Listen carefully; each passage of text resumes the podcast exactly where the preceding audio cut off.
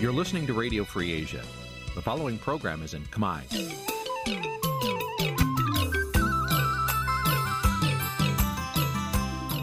នេះជាកម្មវិធីផ្សាយ Vuthu Azizi Serai នេះជាកម្មវិធីផ្សាយរបស់ Vuthu Azizi Serai ជាភាសាខ្មែរ Vuthu Azizi Serai សូមស្វាគមន៍លោកអ្នកនាងទាំងអស់ពីរដ្ឋធានី Washington នៃសហរដ្ឋអាមេរិក បាទពីរដ្ឋធានី Washington ខ្ញុំបាទសេកបណ្ឌិតសូមជម្រាបសួរអស់លោកអ្នកនាងកញ្ញាទាំងអស់ជាទីមេត្រី បាទយើងខ្ញុំសូមជូនកម្មវិធីផ្សាយសម្រាប់រាត្រីថ្ងៃពុធ13រោចខែពិសាឆ្នាំថោះបញ្ញស័កពុទ្ធសករាជ2567ត្រូវនៅថ្ងៃទី17ខែឧសភាគ្រិស្តសករាជ2023បាទជាដំបូងនេះសូមអញ្ជើញអស់លោកអ្នកនាងស្ដាប់ព័ត៌មានប្រចាំថ្ងៃដែលមានមេតិការដូចតទៅ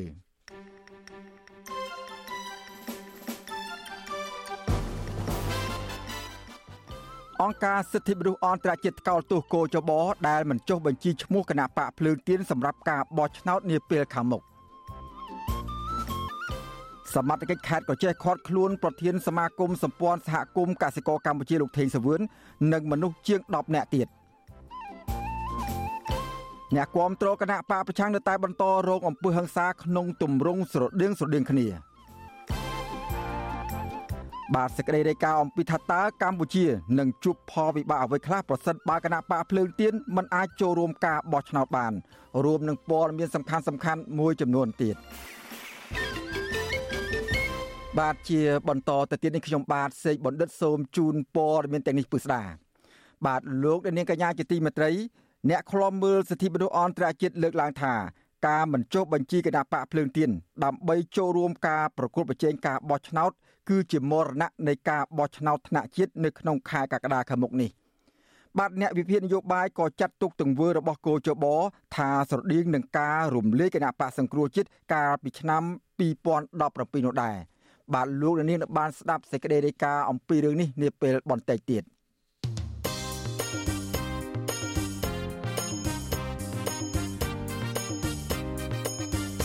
បាទលោកនាងកញ្ញាជាទីមេត្រីសេចក្តីរាយការណ៍ពីខេត្តកោះចេះឯនោះវិញបាទសមត្ថកិច្ចខេត្តកោះចេះបានឃាត់ខ្លួនប្រធានសមាគមសម្ព័ន្ធសហគមន៍កសិករកម្ពុជាលោកថេងសាវឿននិងសមាជិករបស់លោកចំនួន16នាក់ទៀតនៅថ្ងៃទី17ខែឧសភានេះក្នុងពេលពួកគេបានធ្វើដំណើរចេញពីខេត្តរតនគិរីឆ្ពោះមកទីក្រុងភ្នំពេញបាទប្រធានក្រុមប្រឹក្សាតំណាងរបស់សមាគមសហព័ន្ធកសិករសហ សមាគមសម្ព័ន្ធសហគមន៍កសិករកម្ពុជាលោកយួរវាសនា បានឲ្យវិទ្យុអសិរ័យដឹងនៅល្ងាចថ្ងៃទី17ខែឧសភានេះថាស្នងការខេត្តកោះចេះបានខាត់រថយន្តរបស់ពួកលោកនៅពេលធ្វើដំណើរពីខេត្តរតនគិរីមកដល់ទីរួមខេត្តកោះចេះនៅវេលាម៉ោង1រសៀលបាទលោកបន្ថែមថាសមត្ថកិច្ចខេត្តកោះចេះខាត់ខ្លួនពួកលោកនេះតាមសំណើរបស់ស្នងការខេត្តរតនគិរី ក៏ប៉ុន្តែសមត្ថកិច្ចមិនបានប្រាប់ពីមូលហេតុនៃការខាត់ខ្លួននេះឲ្យពិតប្រាកដនោះឡើយបាទហើយសមត្ថកិច្ចបានដកហូតកុំព្យូទ័រ laptop ចំនួន17គ្រឿងរួមទាំងទូរស័ព្ទរបស់ពួកគេទាំងអស់បាទលោកយុវាសនាអាងថាក្រោយពីសមត្ថកិច្ចខេត្តកោះចេះនិងសមត្ថកិច្ចមកពីខេត្តរតនគិរីសួរនាំពួកគេដល់ល្ងាចថ្ងៃទី17ខែឧសភានេះទើបសមត្ថកិច្ចបានដោះលែងមនុស្សចំនួន14នាក់មកវិញដោយឡែកមនុស្ស3នាក់ផ្សេងទៀត មានលោកថេងសវឿននិងបុគ្គលិករបស់លោកពីរនាក់ទៀតគឺលោកញិលភៀបនិងលោកម៉ឺនរតនាសមត្ថកិច្ចមិនទាន់ដោះលែងទេហើយនៅបន្តសាកសួរនៅឡើយបើនិយាយរួមទៅអត់ទាន់បានដឹងព័ត៌មានច្បាស់ទេដោយសារពួកគាត់នឹងទៅសួរដាច់ដល់ឡៃពីគ្នាទាំងអស់អញ្ចឹងគឺថាយើងប្រជុំដើម្បីអីឯកសារយើងមានអីកាក់កុំព្យូទ័របុគ្គលិកទាំង17នាក់ដកចេញអស់អញ្ចឹងកុំព្យូទ័រទូរស័ព្ទអីដកចេញអស់ហើយ បាទវិទ្យុអសីស្រីនៅមិនទាន់អាចតាក់ទងស្នងការខេត្តកោះចេះនិងស្នងការខេត្តរតនគិរីដើម្បីសួរនាំអំពីបញ្ហានេះបាននៅឡើយទេ នៅល្ងាចថ្ងៃទី17ខែឧសភានេះបាទលោកថេងសវឿនបានដឹកនាំបុគ្គលិករួមទាំងក្រុមគ្រួសាររបស់លោកផង មានគ្នាប្រមាណ30នាក់ទៅកំសាន្តនៅខេត្តរតនគិរីចំនួន4ថ្ងៃគឺចាប់ពីថ្ងៃទី14ដល់ថ្ងៃទី17ហើយក៏នាំគ្នាត្រឡប់មកភ្នំពេញវិញលោកបញ្ជាក់ថាដំណើរកំសាន្តនេះក៏ឆ្លៀត បើកកិច្ចប្រជុំប្រចាំឆ្នាំបុគ្គលិកទាំងអស់នៅផ្ទះសំណាក់មួយនៅក្នុងក្រុងបានលុងខេត្តរតនគិរី រយៈពេល2ថ្ងៃគឺថ្ងៃទី14និងថ្ងៃទី15បាទរីឯថ្ងៃទី16និងថ្ងៃទី17ជាថ្ងៃសម្រាប់ក៏នាំគ្នាដើរលំហែកំសាន្តរួមទាំងក្រុមកសារបស់លោកវត្តរួមទាំងក្រុមកសារបស់ពួកគាត់ផងកម្មវិធី Vithu Azizi ស្រីសម្រាប់ទូរស័ព្ទដៃអាចឲ្យលោកអ្នកនាង អានអត្ថបទទស្សនាវីដេអូ និងស្ដាប់ការផ្សាយផ្ទាល់ដោយឥតគិតថ្លៃនិងដោយគ្មានការរំខានដើម្បីអាននិងទស្សនាមេតិការថ្មីថ្មីពី Vithu Azizi សេរីលោកអ្នកនាងគ្រាន់តែចុចបាល់កម្មវិធីរបស់ Vithu Azizi សេរីដែលបានដំឡើងរួចរាល់លើទូរស័ព្ទដៃរបស់លោកអ្នកនាង ប្រសិនបើលោកអ្នកនាងចង់ស្ដាប់ការផ្សាយផ្ទាល់ឬការផ្សាយចាស់ចាស់សូមចុចលើប៊ូតុងរូប Vithu ដែលស្ថិតនៅផ្នែកខាងក្រោមនៃកម្មវិធីជាការស្រេច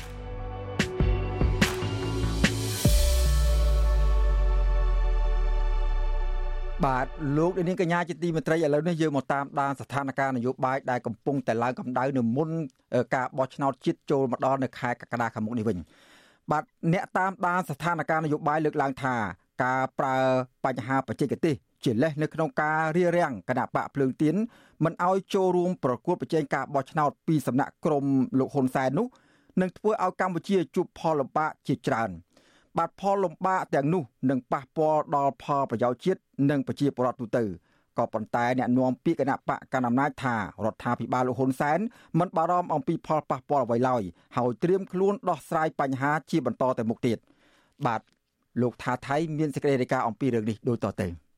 ការព្យាយាមជាថ្មីទៀតរបស់លោកនាយករដ្ឋមន្ត្រីហ៊ុនសែនក្នុងការទប់ស្កាត់គណៈបកភ្លើងទៀនដែលជាជំរកចុងក្រោយរបស់ក្រមអ្នកប្រជាធិបតេយ្យមិនឲ្យចូលរួមប្រគល់ប្រជែងការបោះឆ្នោតដ៏ខ្លីខាងមុខនេះនៅបង្កើតឲ្យមានផលវិបាកបន្ថែមទៀតបន្ទាប់ពីការរំលាយគណៈបកសង្គ្រោះជាតិអ្នកសិក្សាផ្នែកច្បាប់លោកវ៉ាន់ចាន់លូតមានប្រសាសន៍ថាការបដិសេធមិនឲ្យគណៈបកភ្លើងទៀនចូលរួមការបោះឆ្នោតនេះបង្ហាញឲ្យឃើញលើគោក នៅការបិទសិទ្ធិនៃការចូលឈ្មោះឲ្យគេបោះឆ្នោតនិងសិទ្ធិបោះឆ្នោតរបស់ប្រជាពលរដ្ឋជាច្រើនលាននាក់លោកជឿថាការរារាំងគណៈបកភ្លើងទៀនក្រោមក្រសែភ្នែករបស់សហគមន៍អន្តរជាតិដែលកំពុងតាមដានអំពីដំណើរការបោះឆ្នោតនេះនឹងធ្វើឲ្យកម្ពុជាទទួលរងសម្ពាធសេដ្ឋកិច្ចបន្ថែមទៀតដែលនាំឲ្យប៉ះពាល់ដល់ពលរដ្ឋជាពិសេសកម្មករវិស័យកាត់ដេរ ទី1ខ្ញុំមកឃើញសម្ពាធអន្តរជាតិជាពិសេសផ្នែកសេដ្ឋកិច្ចនឹងកើបឡើងកាន់តែមានទំហំធំហើយច្រើនទី2ការទទួលស្គាល់ពីសហគមន៍អន្តរជាតិចំពោះកម្ពុជាខ្ញុំគិតថាឬយើងនិយាយឲ្យស្រួលស្ដាប់ទំនាក់ទំនង កម្ពុជាជាមួយនឹងបណ្ដាប្រទេសសេរីគឺនឹងមានការធ្លាក់ចុះបន្ថែមទៀតហើយហើយនឹងទី3គឺបញ្ហាក្នុងប្រទេសយើងមិនអាចប៉ាន់ស្មានដល់ទេតែខ្ញុំមើលឃើញថាវានឹងកើតឡើងបញ្ហាជាពិសេសគឺពាក់ព័ន្ធទៅនឹងការអត់ការងារធ្វើរបស់ប្រជាពលរដ្ឋនិងមានទំហំកាន់តែធំថែមទៀតនោះបាទលើសពីនេះលោកវ៉ុនច័ន្ទលូតយល់ថាប្រសិនបើរដ្ឋសភានៅតែជាសភាឯកបកបន្តទៀតតំណាងរាស្ត្រទាំងនោះនឹងមិនសូវសកម្មការងារឡើយ ជាបបពិសោធន៍មួយអាណត្តិកន្លងមក2018មកដល់បច្ចុប្បន្ននេះបាទយើងឃើញនៅពេលដែលរដ្ឋសភាមានតែមួយបកមានន័យថាភាពជាតំណាងរបស់ពលរដ្ឋវាអត់គ្រប់គ្រាន់ទេហើយក្នុងនោះផងដែរយើងឃើញថាបញ្ហានៃជនរងគ្រោះនៅតែកើតបន្តមានទី1ទី2យើងឃើញថាការបង្កើតនៅច្បាប់បទដ្ឋានគតិយុត្តអីថ្មីថ្មីចេញមកពីសភាក៏ហាក់ដូចជាមិនមាននៅតម្លាភាព ឬក៏ដូចជាមិនការការពារនៅផលប្រយោជន៍សម្រាប់ប្រជាពលរដ្ឋប្រមាណដែរវាហាក់ដូចជាវាចេញមកគឺដើម្បីតែផលប្រយោជន៍នៃមនុស្សមួយក្រុមអ្នកដែលមានអំណាចអ្នកដែលមានលុយទៅវិញគណៈបកប្រជាជនកម្ពុជារបស់លោកហ៊ុនសែនបានគ្រប់គ្រងកៅអីរដ្ឋសភាទាំង125អាសនៈជិត1អាណត្តិមកហើយបន្ទាប់ពីការរំលាយគណៈបកសង្គ្រោះជាតិរដ្ឋសភាឯកបកមួយនេះបានជួយសម្រួលកិច្ចការងារច្រើនណាស់ដល់លោកហ៊ុនសែនដែលព្យាយាមពង្រឹងអំណាចនិងការត្រួសត្រាយផ្លូវសម្រាប់ការផ្ទេរអំណាចឲ្យកូនប្រុសរបស់លោក ក៏ប៉ុន្តែចំពោះកិច្ចការងារដើម្បីផលប្រយោជន៍ជាតិនិងពលរដ្ឋម្ចាស់ឆ្នោតវិញបើសួរថាតើតំណាងរាស្ត្រទាំងនោះសកម្មឬអសកម្មទំនងជាពលរដ្ឋភៀកច្រើនបានឃើញច្បាស់ទៅហើយថាគ្រាន់តែពលរដ្ឋរងគ្រោះដីធ្លីឬការងារជួបជុំគ្នាមួយព្រឹកនៅមុខរដ្ឋសភាស្នើសុំឲ្យជួយរកដំណោះស្រាយក៏តំណាងរាស្ត្របកកណ្ដាលអំណាចខ្លះចោទពួកគាត់ថាជាអ្នកស៊ីឈ្នួលបាតុកម្មឬជាអ្នកញុះញង់បង្កអសន្តិសុខសង្គមដែរដូចជាករណីគុតកោនាការវើលជាដើម។ អ្នកខ្លំមើលយល់ថាការផាត់ចោលវត្តមានដ៏សំខាន់របស់គណៈបកភ្លើងទៀនពីការបោះឆ្នោតអាណត្តិនេះនឹងធ្វើឲ្យគណៈបកកណ្ដាលអំណាចបន្តគ្រប់គ្រងអាសនៈសភាទាំង125លើ125ជាថ្មីទៀតដែលចម្លែកបំផុតក្នុងពិភពលោកក្នុងនាមជាប្រទេសប្រកាន់លទ្ធិប្រជាធិបតេយ្យករណីនេះកាន់តែបង្ហាញពីសន្តានផ្ដាច់ការរបស់លោកហ៊ុនសែនហើយធ្វើឲ្យកម្ពុជាមានគេឈ្មោះអាក្រក់លើឆាកអន្តរជាតិអ្នកវិភាគនយោបាយលោកកឹមសុខថ្លែងថា នៅពេលដែលលោកហ៊ុនសែនប្រើគោជបជាឧបករណ៍បិទផ្លូវគណៈបកភ្លើងទៀនដែលជាការបន្ថែមសម្ពាធមិនឲ្យចលនាអ្នកប្រជាធិបតេយ្យងើបឡើងរួចនោះផលប្រយោជន៍នានារបស់ជាតិនិងប្រជាពលរដ្ឋក៏នឹងលិចលង់ដែរលិចលង់ទី1មិនបានកិច្ចសហប្រតិបត្តិការផ្ដល់ជំនួយឥតសំណងផ្ដល់ជំនួយហិរញ្ញវត្ថុបែបកម្ចីការប្រាក់ទាបពីធនាគារពិភពលោកធំធំ ការផ្ដល់ការនៅគ្រោះពន្ធពាណិជ្ជកម្ម ក្នុងការប្រកួតប្រជែងពាណិជ្ជកម្មបង្កើតការងារដល់ប្រជាពលរដ្ឋហើយនឹងវិវាទការទូតក៏កាន់តែធំម្ល៉េះហើយសុទ្ធតែជាវិបត្តិដែលនឹងធ្លាក់ទៅដល់សង្គមជាតិខ្មែរយើងធ្ងន់ធ្ងរថែមទៀតហើយវិបត្តិនេះវាអាចនាំទៅដល់ការជ្រួលច្របល់សង្គមតែម្ដងតាកតងនឹងរឿងនេះអ្នកនាំពាក្យគណៈបកប្រជាជនកម្ពុជាលោកសុកអេសានឆ្លើយតបថាការលើកឡើងរបស់អ្នកវិភាគមិនឆ្លុះបញ្ចាំងពីការពិតឡើយ លោកនៅតែបកស្រាយថាការបដិសេធរបស់កោជបគឺមកពីកំហុសរបស់គណៈបកភ្លឹងទៀនដូច្នេះគ្មានផលវិបាកអ្វីកើតឡើងគួរឲ្យព្រួយបារម្ភនោះទេរឿងភ្លើងទៀនគឺតែជារឿងផ្ទៃក្នុងរបស់កម្ពុជា ទាំងជនបរទេសទាំងជនជាតិខ្មែរដែលរត់ចោលស្រុកទៅនៅក្រៅប្រទេសខាងផ្នែកនយោបាយនេះខ្ញុំយល់ថាអត់មានប្រសិទ្ធភាពអីអត់មានអធិពលអីមកលូកលាន់ចូលកិច្ចការផ្ទៃក្នុង របស់កម្ពុជាដែលដឹកនាំដោយរាជរដ្ឋាភិបាលគណៈបកប្រជាជនកម្ពុជាទេ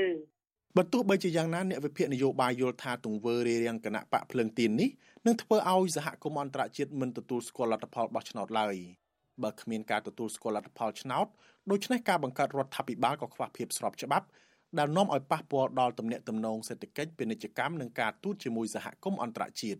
លោកកឹមសុខលើកឡើងថាទង្វើរបស់លោកហ៊ុនសែននេះ មិនមែនប៉ះពាល់តែគណៈបកភ្លើងទៀននោះទេតែកំពុងតែបង្កគ្រោះថ្នាក់ដល់ជាតិនិងប្រជាជនទាំងមូលលោកជំរុញឲ្យគណៈបកប្រឆាំងនិងប្រជាពលរដ្ឋគូតែរួមគ្នាតស៊ូមតិឲ្យបានសកម្មស្របតាមច្បាប់គ្រប់គ្នាត្រូវបន្លឺសម្លេងធ្វើសកម្មភាពតវ៉ាឡើងចាប់ផ្ដើមពីគណៈបកភ្លើងទៀននេះដែលជាអ្នករងគ្រោះដោយផ្ទាល់នៅចំពោះគណៈបកនយោបាយផ្សេងផ្សេងទៀតដែលមាននិន្នាការចង់បានប្រជាធិបតេយ្យរួមសហការគ្នាទៅជាមួយនឹងប្រជាពលរដ្ឋ សកម្មជនសង្គមដែលមើលឃើញថាមានតែប្រជាធិបតេយ្យទេ ជាចំណុចរស់នៃប្រជាជាតិយើង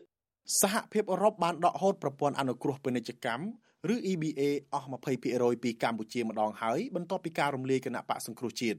អ្នកខ្លំមើលបារម្ភថាករណីគណៈបកភ្លើងទីននេះនឹងធ្វើឲ្យកម្ពុជាអាចបាត់បង់ EBA ទាំងស្រុងដែលប៉ះពាល់ដល់ការងាររបស់ប្រជាពលរដ្ឋក្រៅពីនេះគេឈ្មោះអាស្រូវរបស់កម្ពុជានៅលើឆាកអន្តរជាតិក៏នឹងធ្វើឲ្យអ្នកវិនិយោគល្អល្អ មិនហ៊ានមកកម្ពុជាដែរដោយសារគ្មានទំនុកចិត្តលើប្រព័ន្ធនីតិរដ្ឋដូច្នេះនឹងជំនួសមកវិញនៅអ្នកវិនិយោគទុច្ចរិតដូចជានៅកំពង់សោមដែលមានចំនួនរត់ពន្ធមនុស្សយ៉ាងកក្រើកជាដើមលើសពីនេះអវត្តមានអ្នកនយោបាយបកប្រឆាំងក៏ធ្វើឲ្យពលរដ្ឋក្នុងស្រុកកាន់តែរងានិងរងការគំរាមកំហែងលើការអនុវត្តសិទ្ធិជាមូលដ្ឋានរបស់ខ្លួនមិនត្រឹមតែពលរដ្ឋធម្មតាទេសូម្បីតែមន្ត្រីរាជការនិងកងកម្លាំងប្រដាប់អាវុធក៏នឹងរងផលប៉ះពាល់ជាច្រើនដែរ ជាឧទាហរណ៍ដូចជាការកាត់ប្រាក់ខែតាមការចង់បានរបស់លោកហ៊ុនសែនក្រៅពីមនុស្សវិញ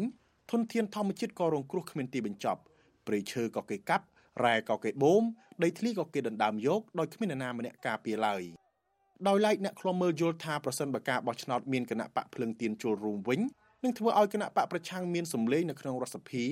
ដើម្បីឲ្យមានតុល្យភាពអំណាចខ្លះនិងអាចជួយដោះស្រាយបញ្ហារបស់ប្រជាពលរដ្ឋនិងប្រទេសជាតិបានមួយចំនួន ខ្ញុំថាថៃពីទីក្រុងមែលប៊ន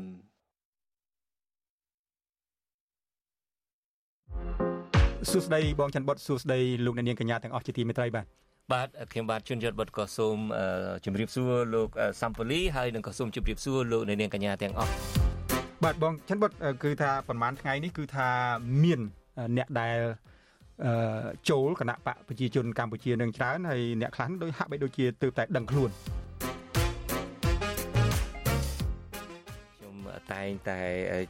ចងចិត្តថាធ្វើយ៉ាងណាដើម្បីបានជួបសម្ភាសលោកនាយករដ្ឋមន្ត្រីហ៊ុនសែនម្ដងក៏ប៉ុន្តែមិនដឹងទៅហៅណាខ្ញុំមិនហ៊ានប្រើពាក្យថាគាត់ខ្លាចខ្ញុំនោះទេក៏ចាប់ពីសប្តាហ៍នេះទៅកម្មវិធី podcast របស់យើងនឹងផ្សាយរៀងរាល់អឺរៀងថ្ងៃសុក្រព្រឹករៀងរាល់ព្រឹកថ្ងៃសុក្រព្រឹកនៅប្រទេសកម្ពុជាយើងសូមជម្រាបលាលោកនាងកញ្ញាតែប៉ុណ្្នឹងសិនហើយយើងជួបគ្នាម្ដងទៀតនៅព្រឹកថ្ងៃសុក្រសប្តាហ៍ក្រោយអរគុណជម្រាបលា បាទលោកដានាងកញ្ញាជាទីមេត្រីលោកដានាងកំពុងតាមដានស្ដាប់ការផ្សាយរបស់វិទ្យុអស៊ីសេរីពីរដ្ឋធានីវ៉ាស៊ីនតោនសហរដ្ឋអាមេរិកឥឡូវនេះយើងក៏លេខមកមើលព័ត៌មានស្ដីអំពីការផលិតនិងជួញដូរគ្រឿងញៀនវិញម្ដង បាទប្រជាពលរដ្ឋខ្មែរកាណាដាលោកយុនប៊ុនកូនដែលគេសង្ស័យថាអាចជាប់ពាក់ព័ន្ធនឹងបណ្ដាញឧក្រិដ្ឋកម្មផលិតគ្រឿងញៀនដ៏ធំសម្បើមនៅប្រទេសកាណាដាបានចេញមុខបំភ្លឺដោយផ្ទាល់ប្រាប់វិទ្យុអាស៊ីសេរីថាលោកនិងក្រុមគ្រួសារ ភ្ញាក់ផ្អើលក្រោយដឹងថាផ្ទះជួលរបស់លោកនិងកូនកូនរបស់លោកត្រូវបានគេយកទៅប្រើប្រាស់ធ្វើជាមជ្ឈមណ្ឌលផលិតគ្រឿងញៀនដ៏ធំសម្បើមបាទបន្ថែមពីលើនេះទៀតលោកយុនប៊ុនកូនទទួលស្គាល់ថាលោកពិតជាធ្លាប់ធ្វើជាទីប្រឹក្សាឲ្យប្រធានរដ្ឋសភាឯកបៈលោកហេងសំរិននិងធ្លាប់ចូលរួមហែហោមកូនប្រុសច្បងរបស់លោកហ៊ុនសែនគឺលោកហ៊ុនម៉ាណែតក្នុងពេលដែលលោកធ្វើដំណើរមកកាន់ប្រទេសកាណាដាកាលពីពេលកន្លងទៅ ហើយត្រូវបានប្រជាពលរដ្ឋខ្មែរកាណាដាបណ្ដេញចេញពីវត្តយ៉ាងអាម៉ាស់បាទជាបន្តទៅទៀតនេះសូមអញ្ជើញអស់លោកនាងទស្សនាបទសម្ភាសរបស់លោកជុនច័ន្ទបុតនិងលោកយុនប៊ុនកូនជុំវិញការបំភ្លឺពាក់ព័ន្ធនឹងករណីដែលប៉ូលីសកាណាដាជាង200នាក់បានចុះទៅឆែកឆេរផ្ទះរបស់លោកនិងកូនកូនរបស់លោក កាលពីចុងខែមេសាកន្លងទៅនេះ បាទលោកនាងកញ្ញាជាទីមេត្រីបាទជាបន្តទៅទៀតនេះខ្ញុំបាទនឹងមានបទសម្ភាសន៍មួយជាមួយនឹងលោកយូប៊ុនកូនដែលលោកអញ្ជើញមកពីប្រទេសកាណាដាតែម្ដងហើយដោយលោកនាងបានជ្រាបហើយរឿងរ៉ាវរបស់លោកយូប៊ុនកូននេះដែលយើងបានដឹងទាំងអស់គ្នាបានចេញផ្សាយដោយកសែតកាណាដាមួយ បន្ទាប់ពីមានការចុះទៅឆែកឆេរផ្ទះពីររបស់កូនស្រីបង្កើតរបស់លោកហើយនិងកូនប្រសាររបស់លោកតាក់ទងទៅនឹងការផលិតគ្រឿងញៀនបាទខ្ញុំបាទសូមជម្រាបសួរលោកប៊ុនកូនបាទជំរា បសួរបាទជំរាបសួរច័ន្ទបុត្របាទបាទអរគុណណាស់ដែលលោកប៊ុនកូនបានអញ្ជើញមកដល់បន្ទប់ផ្សាយរបស់អាស៊ីសេរីនៅរដ្ឋធានី Washington តែម្ដងលោកប៊ុនកូនតើរឿងរ៉ាវនឹងកើតឡើងបែបណាដែរដែលលោកបន្ទាប់ពីមានការចុះផ្សាយហើយមានការបកប្រែលើបណ្ដាញសង្គមអីក៏ចុះផ្សាយប្រងព្រាតមកឮសូថាមានអ្វីដែលគេចុះផ្សាយនឹងមានចំណុចខ្លះដែលវាមិនត្រឹមត្រូវហើយលោកចង់បកស្រាយតើមិនត្រឹមត្រូវនឹងត្រង់ណាហើយលោកចង់បកស្រាយត្រង់ណាសូមអញ្ជើញបាទបាទអឺជាបឋមសូមអរគុណលោកចន្ទបុតដែលឲ្យឱកាសខ្ញុំបានមកដល់ស្ទូឌីយោផ្ទាល់និយាយផ្ទាល់ទល់មុខមកបានឲ្យច្បាស់បាទបាទហើយថ្ងៃនេះគឺខ្ញុំបកស្រាយហើយបកគលខ្លួនចូលលោកចន្ទបុតគឺសួរឲ្យតាមអ្វីដែលលោកចង់ឆ្ងល់អីទៅបានបានអត់មានការលាក់លៀមអត់មានការ limit ចំកាត់ស្អីទេបាទអឺ រឿងនេះដោយលោកចាំបាត់មានដឹងហើយវាចេញដំបូងពីកាសែតនៅស្រុកប្រទេសមកអាកាណាដាកាសែតដែលចេញมันមាន ពីរកាសែតហើយទូរទស្សន៍មួយទៀតបាទកាសែតមួយដែលនិយាយជាមានចេញយកឈ្មោះខាងគ្រួសារខ្ញុំនិយាយគឺកាសែត Journal Montreal បាទកាសែត La Presse គេអត់និយាយគេនិយាយតែរឿងព្រឹត្តិការណ៍កិច្ចការហ្នឹង ហើយនៅក្នុងទូរទស្សន៍ក៏គេនិយាយដែរគឺព្រឹត្តិការណ៍មិនយកឈ្មោះយើងយកមកចេញដែរបាទអឺអញ្ចឹងរឿងនឹងចុះផ្សាយធំមានកសែត2 3ចុះផ្សាយហើយមានទូរទស្សន៍ទៀតបាទបាទទូរទស្សន៍ទៅបាទបាទទូរទស្សន៍បាទបាទគឺនៅថ្ងៃទុកមកពួកកសែតចេញថ្ងៃ27បាទទុកថ្ងៃ27វាថ្ងៃ26ហ្នឹងមានខែមេសាខែមេសាបាទមានប្រតិបត្តិការរបស់ប៉ូលីសដ៏ធំមួយនៅខេត្តគិបាច់ប៉ូលីសចំនួន200នាក់ បដិបត្តិការដើម្បីធ្វើចូលឆែកឆេមកឆែកឆេនៅផ្ទះ40កន្លែង40កន្លែងខុសគ្នាហើយនៅភូមិខុសគ្នាទីក្រុងខុសគ្នាទៀត5 6កន្លែងបើលោកមើលកសែតឃើញសឹកមិនមែនកន្លែងតែមួយ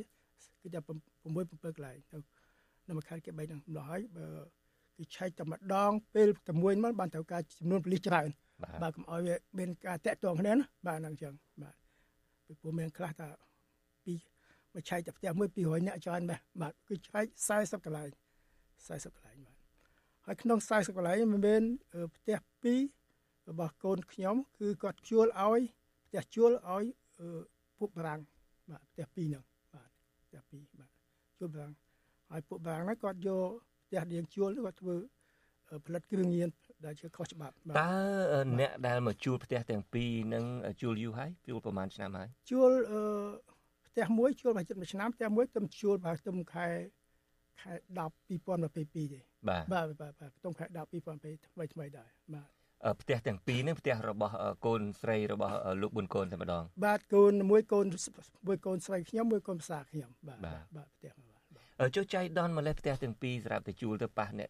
ជួញគ្រឿងញៀនទាំងពីរបាទបាទអ្នកផលិតគ្រឿងញៀនទាំងពីរបាទបាទបាទចាំមិនថាពីព្រោះនៅក្នុងកាសែតហ្នឹងលោកប៊ុនកូនបានឃើញហើយនៅក្នុង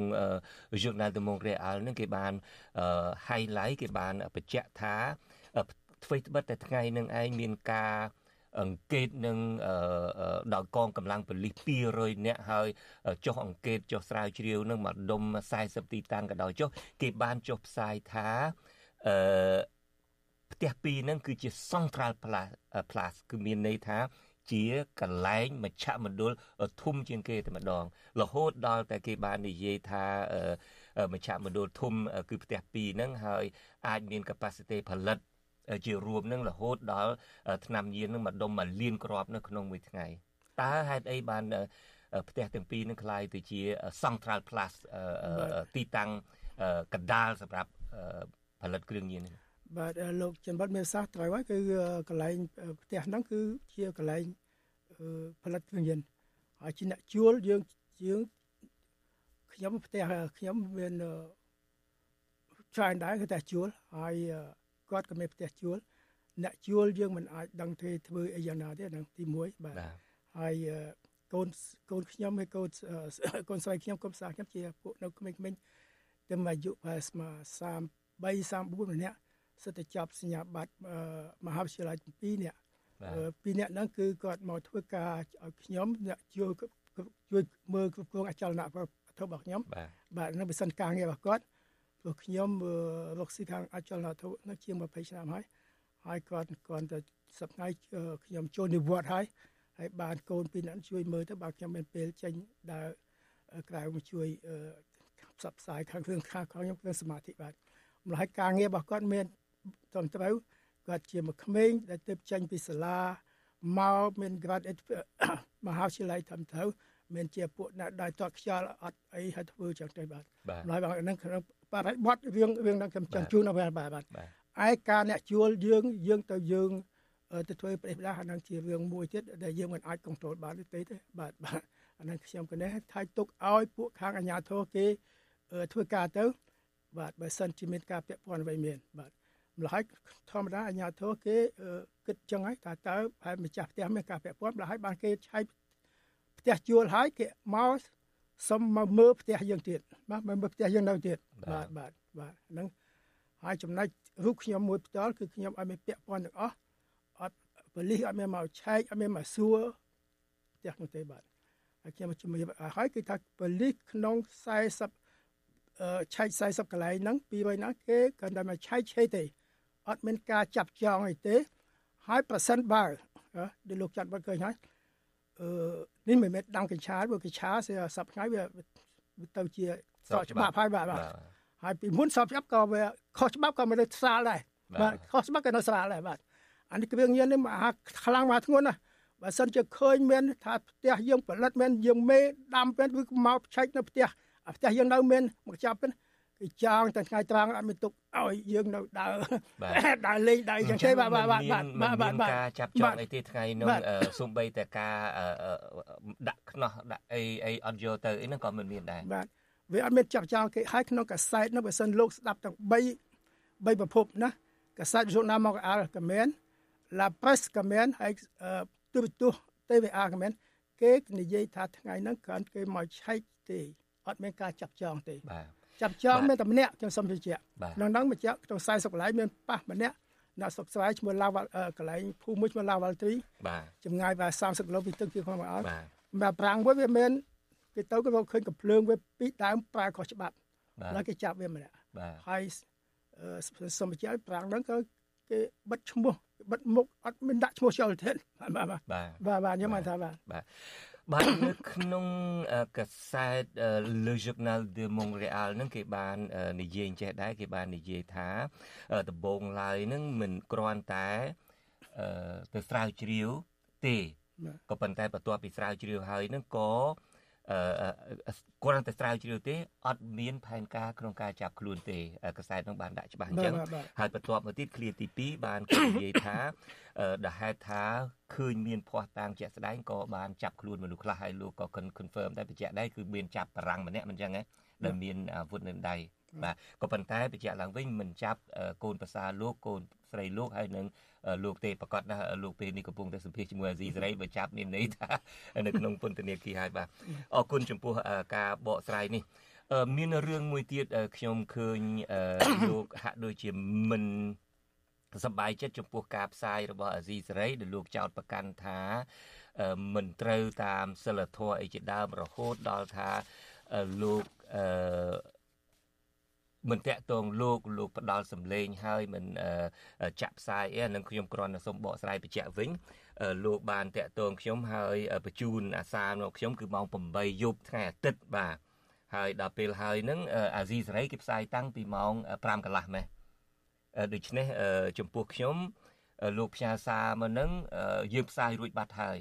ហើយបន្ទាប់ពីបានសារមកភ្លាមខ្ញុំក៏បញ្ជូនមកការិយាល័យភ្លាម ដើម្បីឲ្យគេចាក់ដូច្នេះព្រលឹមឡើងយើងចាក់ខ្ញុំគ្រាន់តែចង់បញ្ជាក់ប៉ុណ្្នឹងទេថាការងារធ្វើកសែតរបស់យើងនៅពេលដែលភាគីដែលពាក់ព័ន្ធឆ្លើយតបយើងត្រូវឆ្លើយយើងត្រូវផ្សាយភ្លាមឲ្យទាន់សភាពការដូច្នេះចំពោះអាស៊ីសេរីយើងឆ្លើយអឺ ទាន់សភាពការគាត់ចង់បញ្យល់ប៉ុណ្ណឹងវិញថាមិនមែនលោកតាក់ទងយើងហើយយើងមិនផ្សាយទេយើងផ្សាយភ្លាមប៉ុន្តែដូចខ្ញុំនិយាយអញ្ចឹងនៅពេលដែលលោកផ្ញើ message មកខ្ញុំហ្នឹងម៉ោង8យប់រួចទៅហើយអាស៊ីសេរីផ្សាយបាន1ម៉ោងកន្លះរួចហើយបាទ2ម៉ោងកន្លះរួចដូច្នេះនៅពេលដែលយើងផ្សាយបន្ទាប់យើងចាក់សម្លេងលោកភ្លាមដែលលោកបានបកស្រាយនៅក្នុងការផ្សាយហ្នឹងគឺថានេះជាអ្វីដែលយើងបាន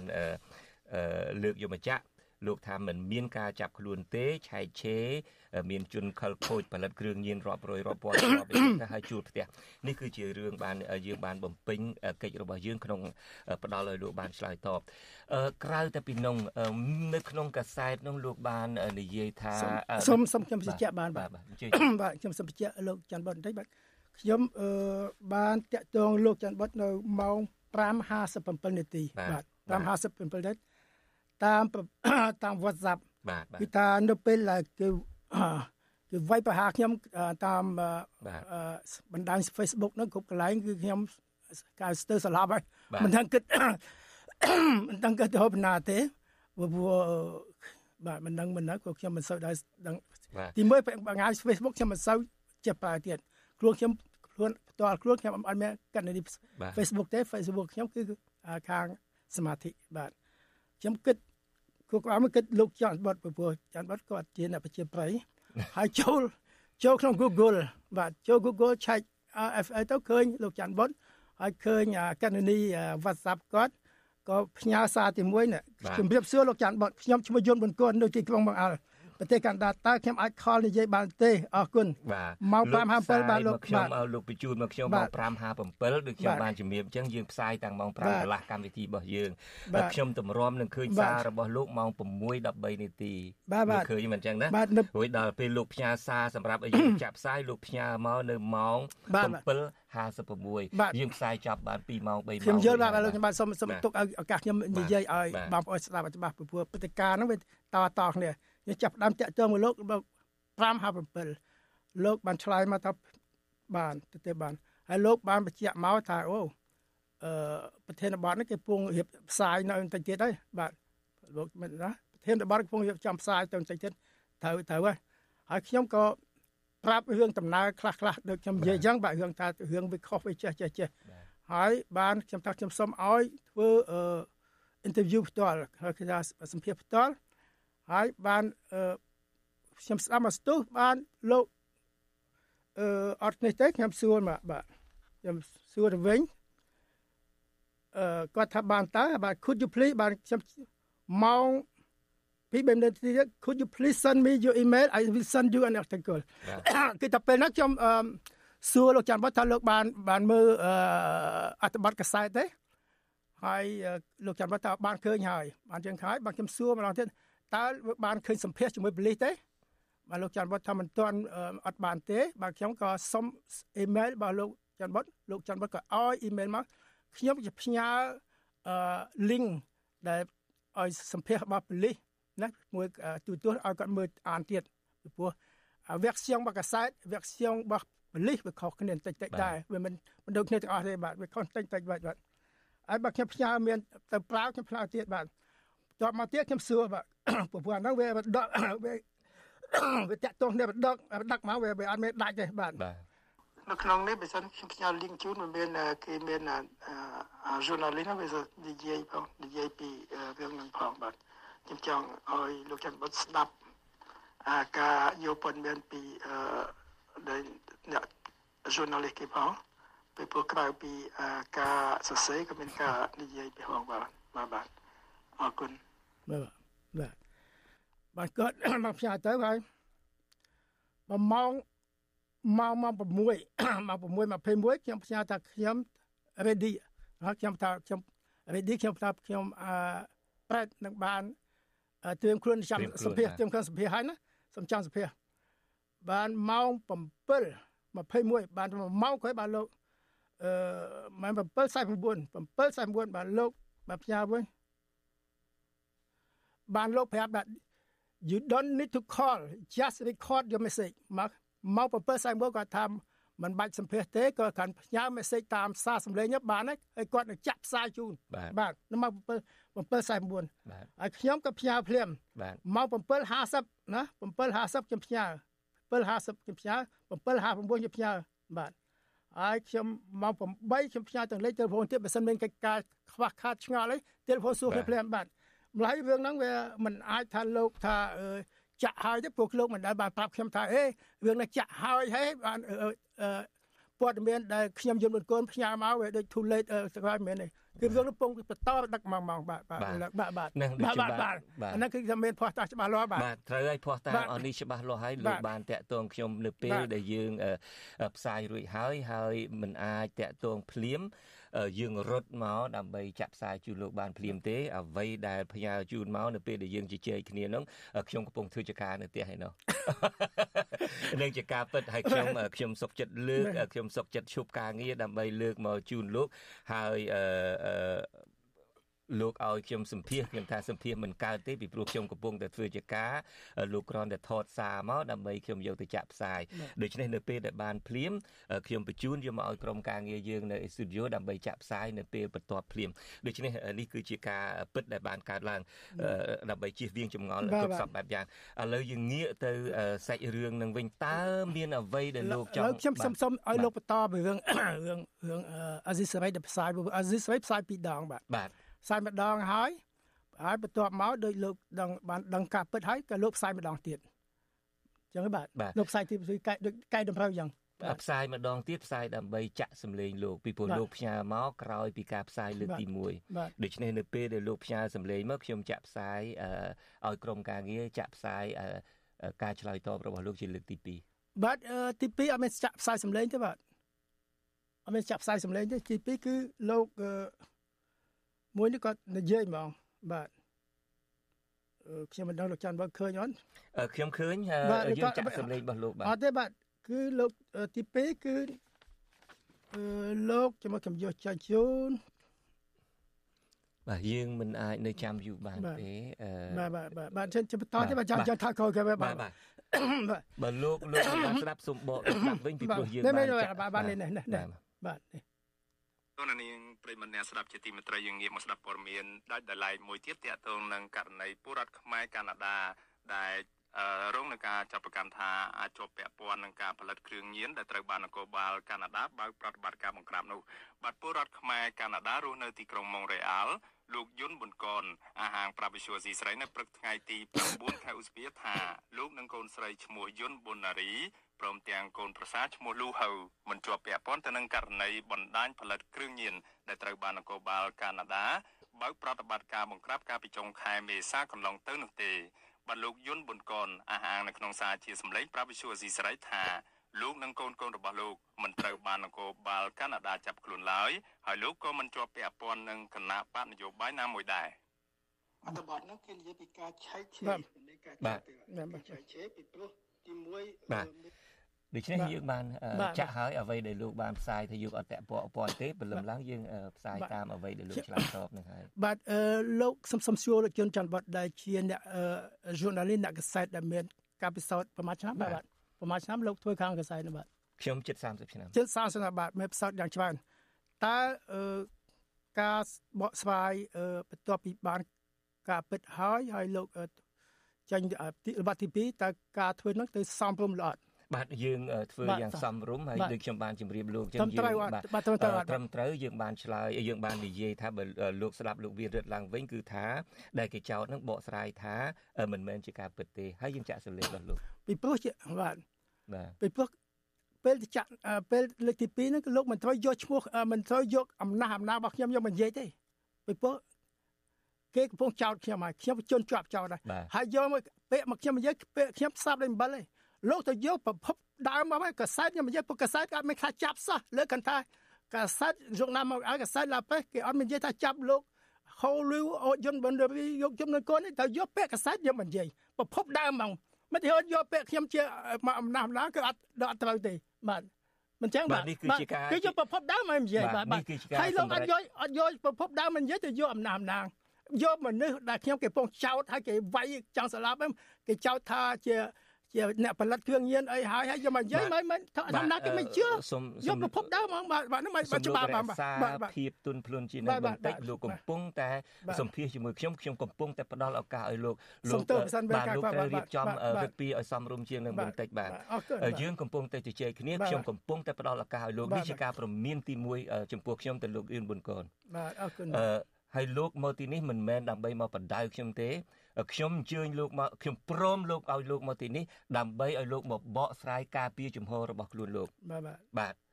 សូមបញ្ជាក់ប៉ុណ្ណឹងយើងបានតាក់ទងប៉ូលីសថាតើប្រកាសជាបានចាប់ឬមិនចាប់យើងអត់ទាន់បានចម្លើយពីប៉ូលីសយើងបានតាក់ទងទៅកាសែតអឺ Le Journal de Montréal អត់ទាន់បានចម្លើយហើយយើងនឹងតាមដានតាមរយៈទូរស័ព្ទទៀត ខ្ញុំសូមពមៀនលោកជាថ្មីម្ដងទៀតលោកអញ្ជើញមកទៅនេះដើម្បីផ្ដល់ការឆ្លើយឆ្លងមិនមែនមកបដៅខ្ញុំមិនមែនមកបដៅការងារខ្ញុំមិនមែនមកសួរប្រវត្តិការងារខ្ញុំទេសូមលោករៀបចំរឹកពីឲ្យបានថ្លៃថ្នូរជាងនេះបន្តិច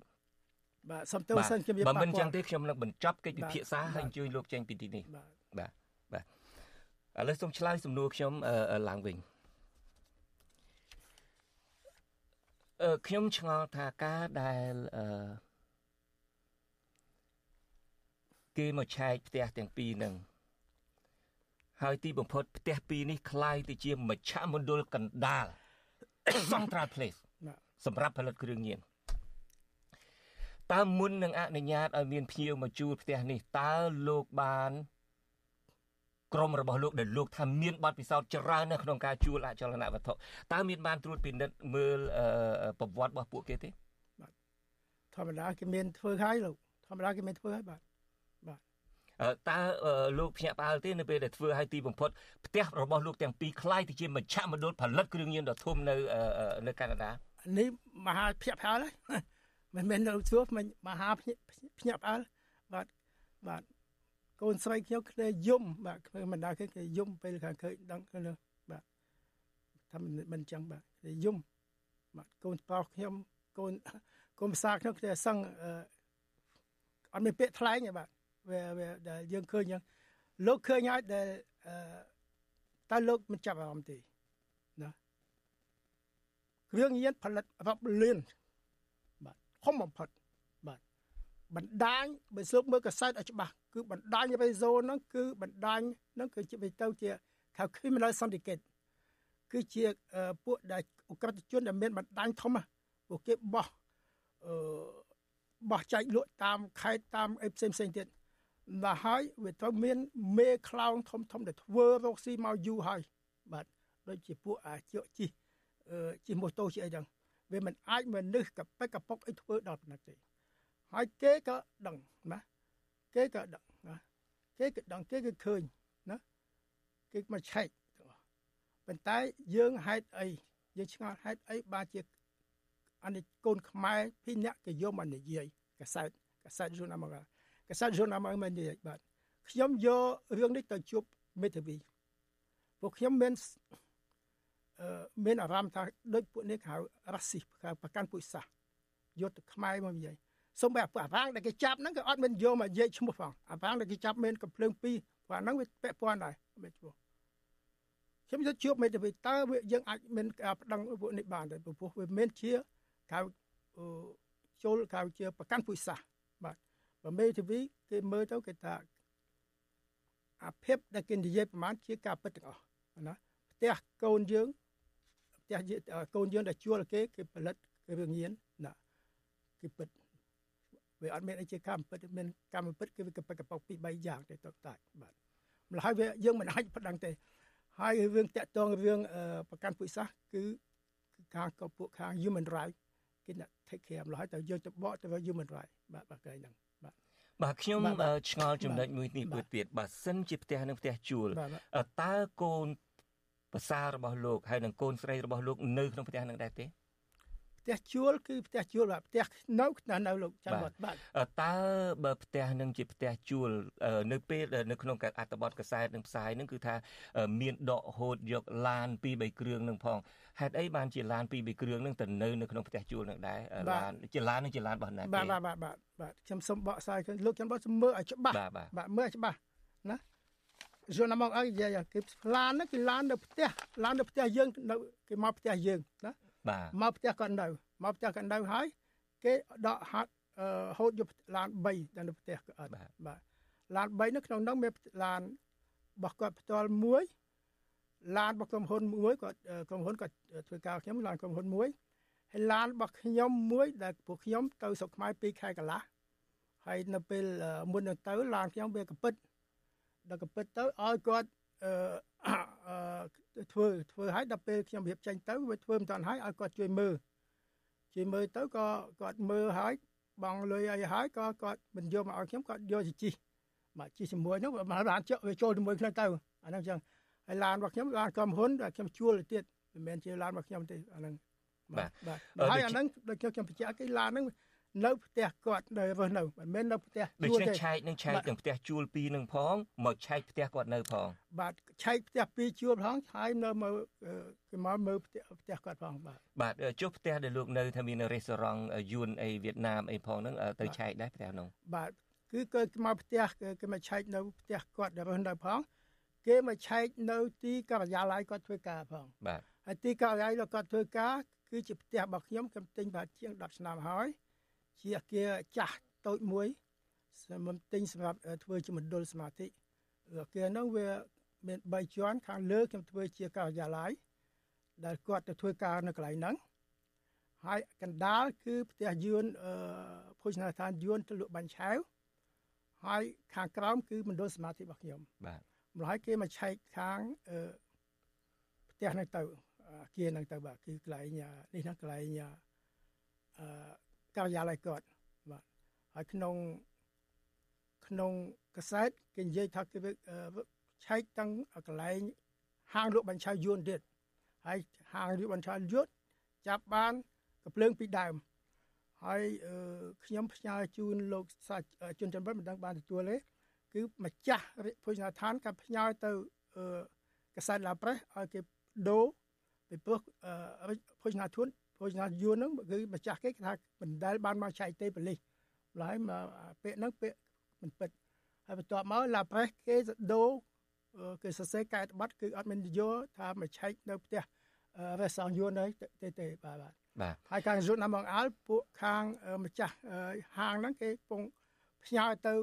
សុំកែតម្រូវទៀតដែរបាទបាទបាទដោយខ្ញុំបានជម្រាបលោកប៊ុនកូនបន្ទាប់ពីយើងបានព័ត៌មាននេះយើងតាក់ទងទៅខាងប៉ូលីសកាណាដាយើងបានតាក់ទងទៅខាងអឺ Journal de Montréal យើងអត់ទាន់បានចម្លើយយើងនឹងព្យាយាមតាក់ទងទៀតដើម្បីចង់ដឹងការពិតហើយជាពិសេសយើងតាក់ទងខាងប៉ូលីសតើមានការចាប់ខ្លួនមានការស៊ើបអង្កេតនឹងបន្តទៀតឬបែបណាតើការមានពាក់ព័ន្ធបែបណា យើងក៏នឹងផ្សាយជូននៅពេលដែលដំណឹងដែលយើងបានដឹងការពិតមក មានរឿងមួយទៀតដែលជាចម្ងល់នោះដែរគឺថានៅពេលដែលចុះទៅឆែកឆេរជាពិសេសនៅការិយាល័យនៅផ្ទះដែលមានរេស្តូរ៉ង់វៀតណាមលក់បាញ់ឆែវអីនឹងជាដើមគេថាគេរកឃើញមានសាច់ប្រាក់26000អានឹងប្រកាសទេហើយសាច់ប្រាក់នេះជាសាច់ប្រាក់ថ្លៃជួលផ្ទះមិនចឹងបាទសាច់ប្រាក់គឺនៅក្នុងនោះមានគេទូដាក់ទូដាក់លុយហ្នឹងមិនមួយកូនទូដាក់លុយមិនធំទេ ហើយលុយក្នុងនោះមាន26000ជាភាគច្រើនគឺជាលុយគឺជាលុយដែលយើងចំណូលពីលើផ្ទះមកផ្ទះរបស់យើងជួលមួយឆ្នាំមួយខែបាន4 50000ដែរបាទបាទបាទដូច្នេះអ្នកដែលបងលុយថ្លៃជួលផ្ទះនោះបងជាសាច់ប្រាក់អ្នកខ្លះក៏បងជាសាច់អ្នកខ្លះជាបងជាជាប្រាក់បាទហើយ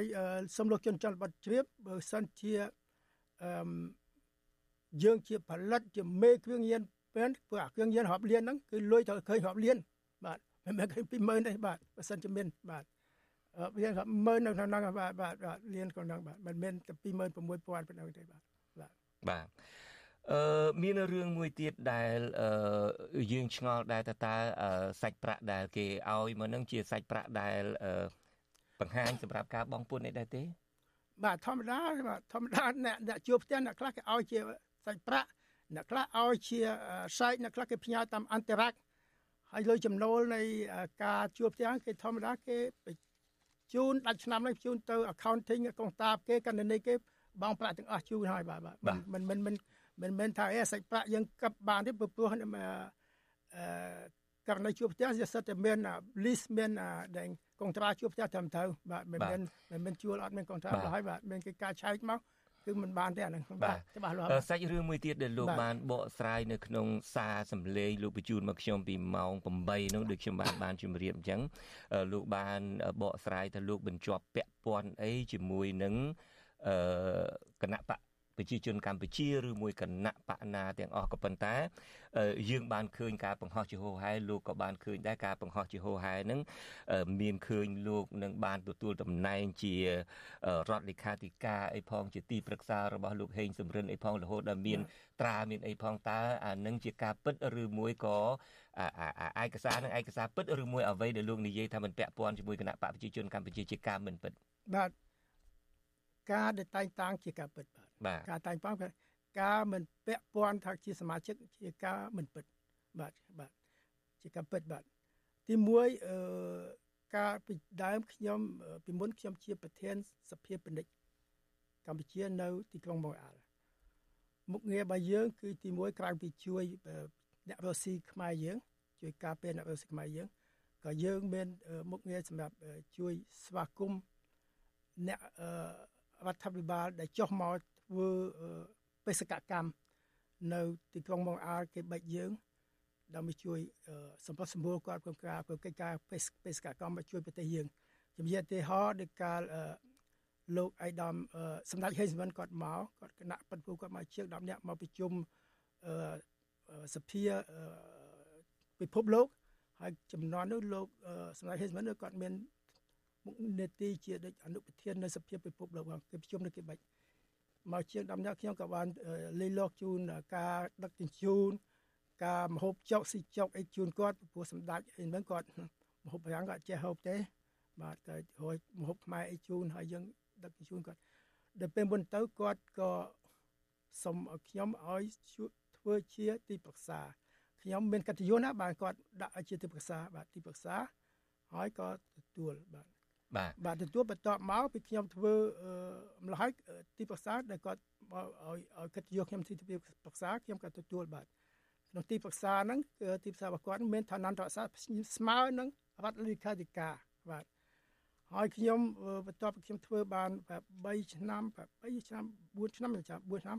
ខ្ញុំក៏សុំលេលែងបាទសុំលេលែងព្រោះហេតុអីបាទសុំលេលែងព្រោះអឺ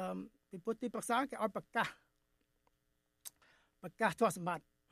រាល់ឆ្នាំបាទប្រកាសទ្រព្យសម្បត្តិរាល់ឆ្នាំប្រកាសទ្រព្យសម្បត្តិហើយបាទខ្ញុំអ្នករស់ស៊ីហ្នឹងមិននេះប្រកាសទ្រព្យសម្បត្តិអីណាដូចអ្នកស្រុកខ្មែរខ្ញុំមើលទៅដូចអាក្មួយខ្ញុំនៅស្រុកខ្មែរតែខ្ញុំបាទទើបរឿងប្រកាសទ្រព្យសម្បត្តិហ្នឹងឯងដែលលោកក្មួយខ្ញុំលែងទទួលតំណែងហ្នឹងលែងទទួលហើយឬមួយក៏នៅតែតំណែងទេរាល់ថ្ងៃនេះអត់ទេឈប់ទទួលមកក្មួយខ្ញុំក៏នៅស្រុកខ្មែរក៏អ្នករៀបចំក្តារស្នាមគាត់ថាអូយគូឯងមិនបាច់ទេ ញ៉ៃញ៉ៃប្រកាសណាញ៉ៃញ៉ៃគៀលឈឺក្បាលខ្ញុំថាចឹងក៏យើងក៏មិនបានចង់យកមុខនេតិធ្វើអីក៏ក៏លាលែងចាប់តែហើយបានតែ3យួនឆ្នាំ2016បែបទៅ2000 2016ទៅ2020យ៉ាងចាំ2019 23បាទបាទម្ល៉េះរហូតសប្តាហ៍ថ្ងៃខ្ញុំអត់មានទួនាទីណាទេហើយពាក់ព័ន្ធទៅរឿងគណៈបកតើឲ្យលោកច័ន្ទបតឲ្យខ្ញុំតនិយាយតតបាទបាទបាទបាទបាទគណៈបក គឺថាខ្ញុំលោកច័ន្ទបតខ្ញុំក៏ផ្ញើឯកសារជូនលោកច័ន្ទបតហើយគឺប្រធានគណៈបកសាខាបកនៅបកប្រជាជននៅម៉ូរ៉ាល់គេគេបានប្រកាសហើយគេមានកិច្ចសារតែងតាំងរបស់គេត្រឹមត្រូវតាំងពី2016មកគេជាប្រធានបាទហើយគេប្រកាសទៀតថាខ្ញុំ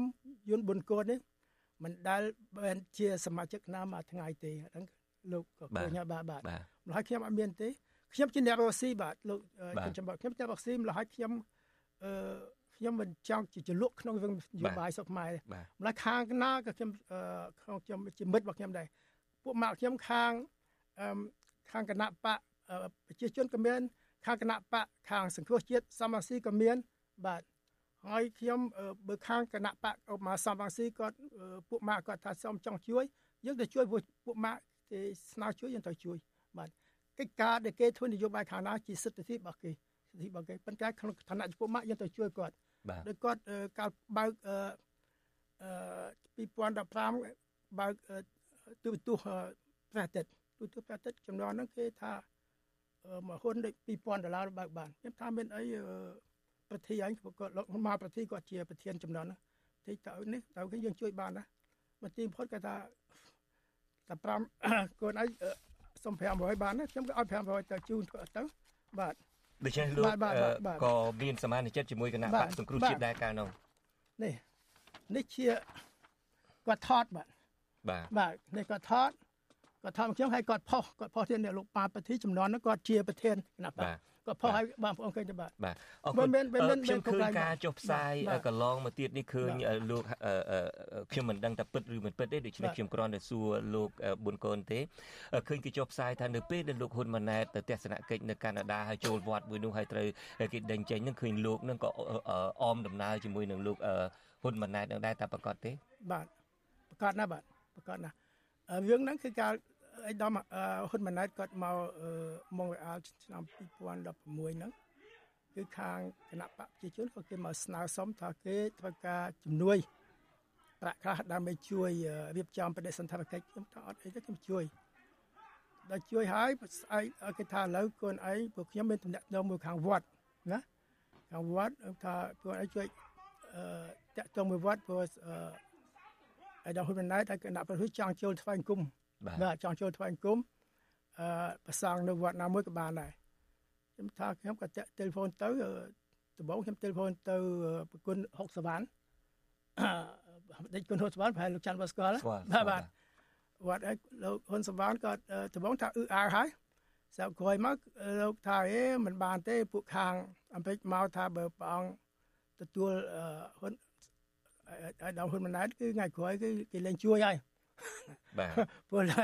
អត់លោកអឺបាទព្រះអង្គសុំស្មានអបាទត់បាទទេខ្ញុំទេខ្ញុំគ្រាន់តែចង់បញ្ជាក់បាទបាទតែប៉ុណ្ណឹខ្ញុំងចាប់ចាប់ចាប់ចាប់បាទចាប់ឲ្យឲ្យចាប់មកពេលថាលោកសួរហើយបាទបាទបាទហើយក៏ក៏ហើយក៏ខ្ញុំក៏ខលទៅអឺ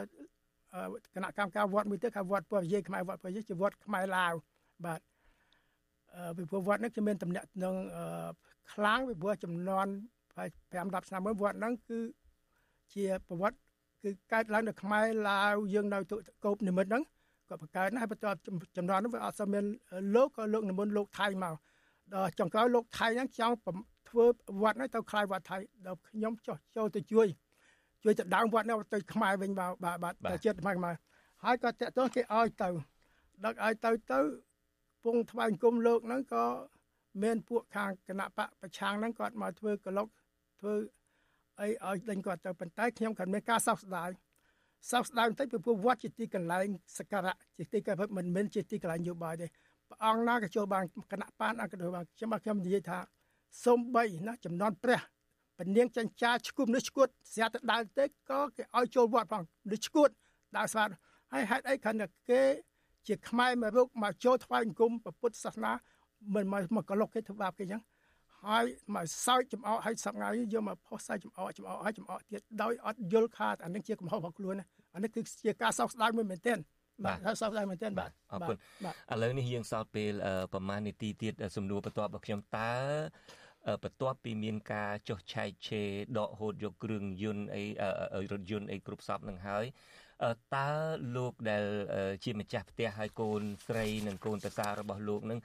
ពេលនេះនឹងត្រូវឡើងតឡាការអីត្រូវឡើងទៅតាមដានស៊ើបសួរអីដែរទេជាប់ពាក់ព័ន្ធទេឬមួយមកដល់ពេលនេះឃ្លៀអស់ហើយល្អគ្រប់យ៉ាងអស់ហើយប្រកាសជាអ្នកជួលផ្ទះនឹងហើយជាអ្នកដែលផលិតគ្រឿងញៀនមិនតាក់ទងអីនឹងម្ចាស់ផ្ទះទេតើនៅមានពាក់ព័ន្ធអីដល់ទៀតទេសាច់រឿងនឹងកំពុងតាមដានអង្កេតពីអាជ្ញាធរពីតុលាការអីដែរទេ បាទដល់លោកឃើញក្នុងកសែតសាច់រឿងគេកំពុងតាមដានប៉ុន្តែសប្តាហ៍នេះគឺគេអឺមិនឃើញមិនមិនផោះតាំងអ្វីម្ល៉េះហើយយើងក៏នៅធម្មតាបើសិនជាមានការឃើញអ្វីមួយគឺថាគេមិនឲ្យយើងសុកទៅធម្មតាហើយសប្តាហ៍វាអត់មានការចាប់ចងយកបញ្ជាក់អត់មានការចាប់ចងពីព្រោះក្នុងនឹងមានបច្ចុប្បន្នខ្លះថាខ្ញុំនឹងបេលអាវគឺទៅកក់លុយយកចាញ់មកកន្លះលានចាញ់មកខាងក្រៅ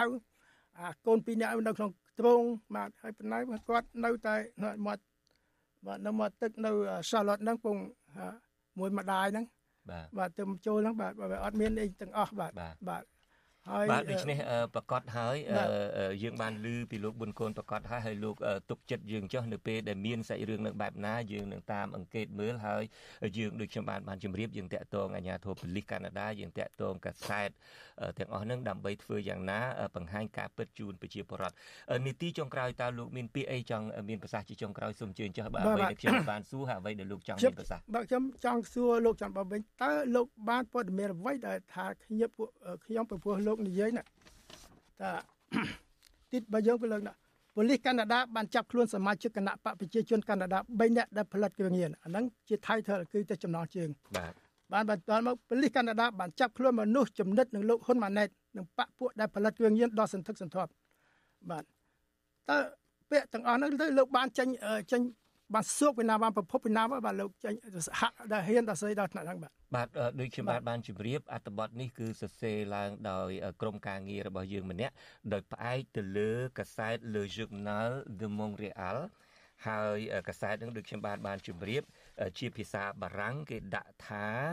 អឺធ្វើត្បិតតែពីដំបូងឡើយមកមិនមានត្រៀមខ្លួនមានមានផែនការក្នុងការចាប់ខ្លួនមែនក៏ប៉ុន្តែនៅពេលដែលកំពុងតែអឺ